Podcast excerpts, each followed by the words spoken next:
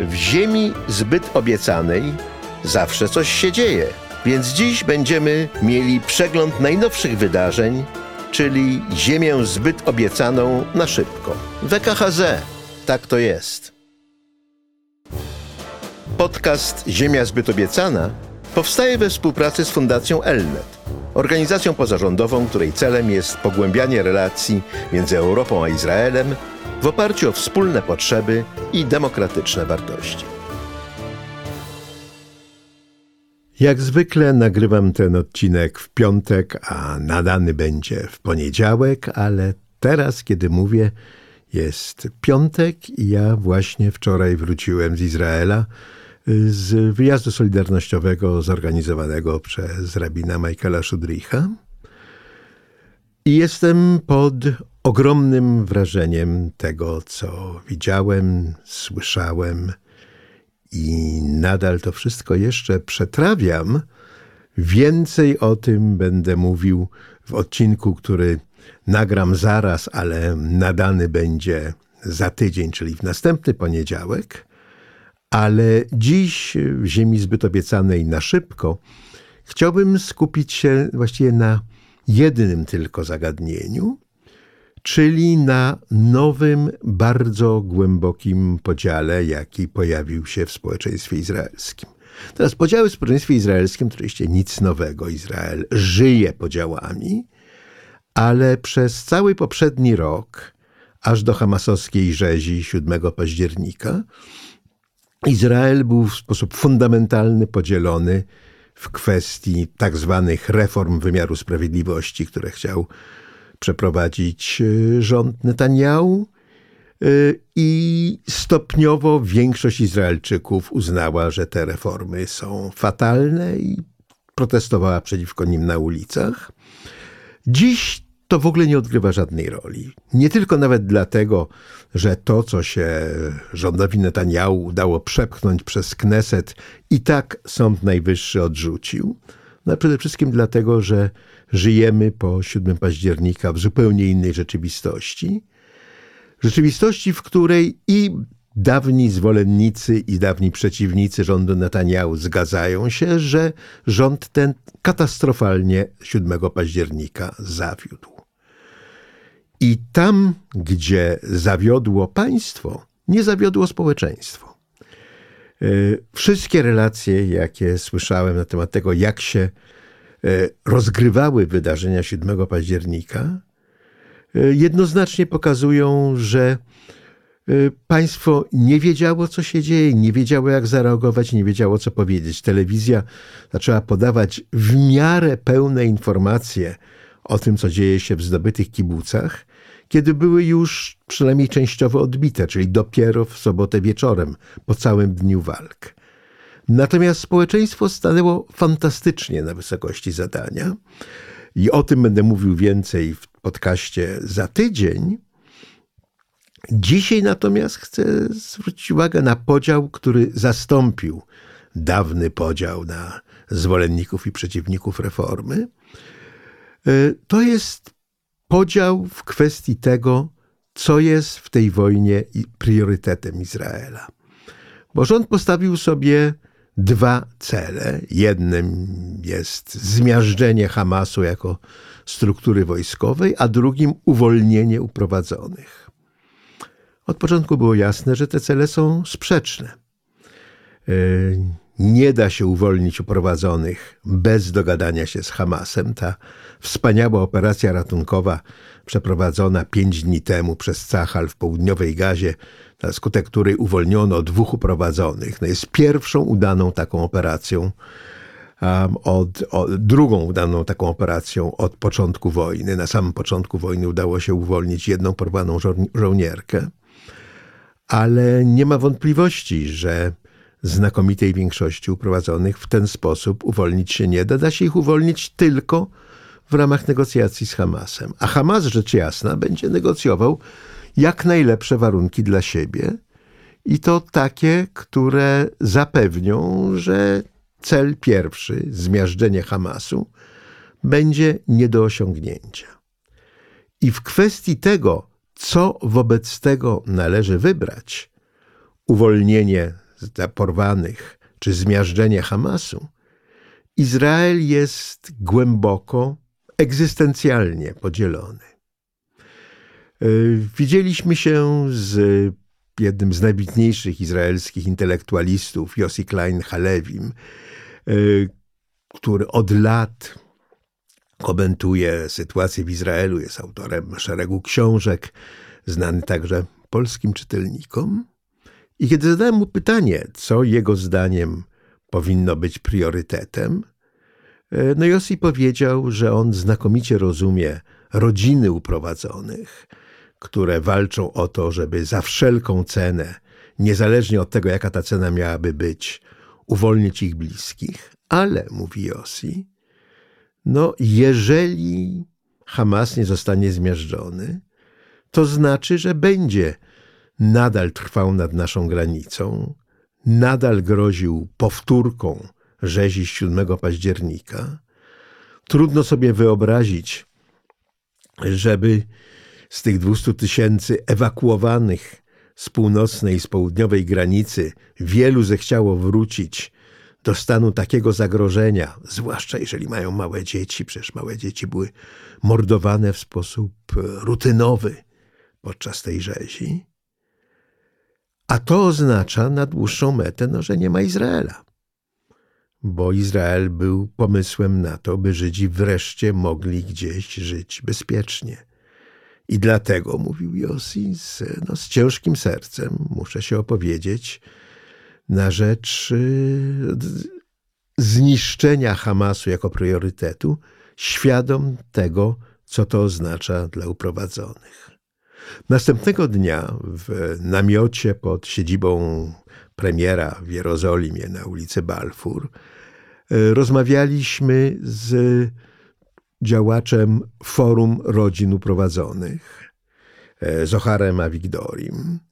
E, o Avigdorim, inaczej niż o Yossi Klein Halewim, jeszcze Państwo zapewne nie słyszeli, ale usłyszycie. To jest ewidentnie wschodząca gwiazda polityczna następnego pokolenia izraelskich polityków. Jest jeszcze młody człowiek, 42-letni.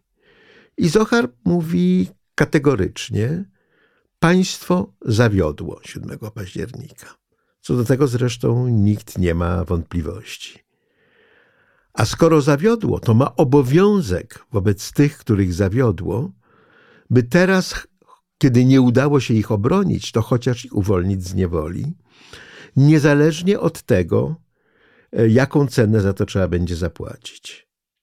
Bo jeżeli nie będziemy robili wszystkiego, by uwolnić z niewoli naszych uprowadzonych, to nie ma Izraela. Oni obaj się pewnie nie znają, Halewi i Awigdori, ale obaj użyli tego samego zwrotu – że jeżeli ten cel, który uważamy za najważniejszy, nie będzie osiągnięty, nie ma Izraela. Bo, mówi Awigdori, Izrael powstał po to, by żyć już nigdy więcej nie byli bezbronni i bez pomocy. Jeżeli państwo, które zawiodło swoich obywateli, teraz nie zrobi wszystkiego, by ich uratować, to znaczy, że nie mamy państwa, nie ma Izraela. Kiedy każdy z nich przedstawiał swoje spojrzenie na tę sytuację, trudno było się z nimi nie zgodzić. Kiedy każdy z nich argumentuje, że jeżeli ich cel nie zostanie osiągnięty, to nie ma Izraela, trudno się z nimi nie zgodzić. Ale te cele są wzajemnie sprzeczne i Halewi i Awigdori obaj znakomicie o tym wiedzą, zresztą mówią o tym. I to jest ten dylemat, przed którym stoi dzisiaj Izrael. Dochodzi do tego jeszcze czynnik, o którym mówił nam e, w siedzibie Forum Rodzin Uprowadzonych. E, to już jest taka duża organizacja w Tel Awiwie, która e, na placu przed Kirią, czyli przed siedzibem Ministerstwa Obrony, urządziła stałe obozowisko. E, tam się demonstruje, tam stoi ten ogromny stół z miejscami dla wszystkich uprowadzonych. E, te, te forum rodzin stało się dużą organizacją, która bardzo przekonująco wpływa na społeczeństwo izraelskie. E, I w siedzibie Forum Rodzin spotkaliśmy się między innymi z Icakiem Hornem, który zrobił już dawno temu Aliję z Argentyny i którego dwaj synowie są uprowadzeni w gazie. Icak mówi, zwycięstwo może poczekać, uprowadzeni nie mogą czekać. Nie wiemy, ilu z nich żyje. Wiemy na pewno, że część już nie żyje, choćby dlatego, że są wśród nich ludzie starzy i chorzy, którzy nie dostają leków. Jednym z elementów porozumienia e, pośrednio zawartego z Hamasem w sprawie zwiększenia pomocy humanitarnej dla gazy było to, że Hamas dostarczy leki uprowadzonym Izrael te leki przekazał. Wiemy od tych dwóch uwolnionych pięć dni temu, że nie dostali żadnych leków. Te leki najwyraźniej do uprowadzonych nie docierają. A więc niektórzy z nich na pewno już nie żyją, a inni, a jest ich nadal 130, 134 osoby, będą umierać, nawet jeżeli nie nie będą mieli tego pecha, że będą w miejscu, które zostanie zbombardowane przez Izraelczyków. Po prostu dlatego, że warunki uwięzienia są nieludzkie, o czym wiemy od wcześniej uwolnionych, uprowadzonych. Tak więc, mówi Itzhak, zwycięstwo może poczekać, uprowadzeni nie mogą. I to jest dylemat egzystencjalny to nie jest kwestia preferencji politycznych, to nie jest kwestia e, wynegocjowanego w koalicji kompromisu. To jest kwestia kategoryczna i fundamentalna.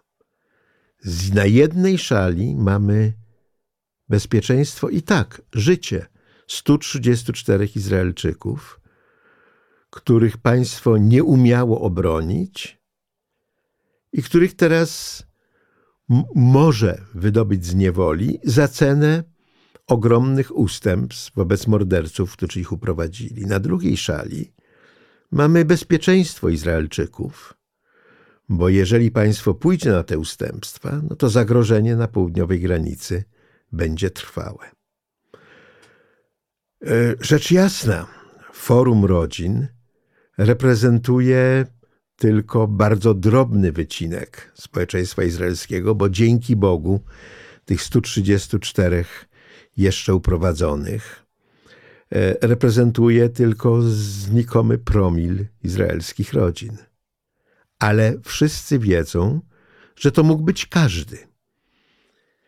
Jeden z plakatów, które wiszą na placu uprowadzonych, Kikar Hatufim naprzeciwko Kiri w e, Tel Awiwie.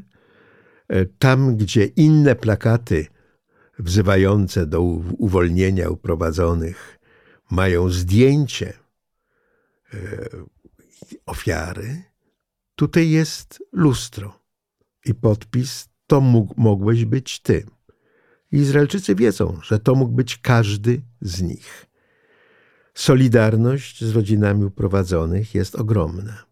Ale zarazem Izraelczycy wiedzą, że każdy z nich może paść ofiarą następnego ataku, jeżeli Hamas nie zostanie zniszczony. A więc, co jest ważniejsze? Czy życie tych, którzy już zostali uprowadzeni, czy życie tych, którzy zostaną zaatakowani jeżeli mordercy, którzy uprowadzili zakładników, nie zostaną pokonani. Powstanie Izraela miało nas uwolnić od dylematów w takiej skali.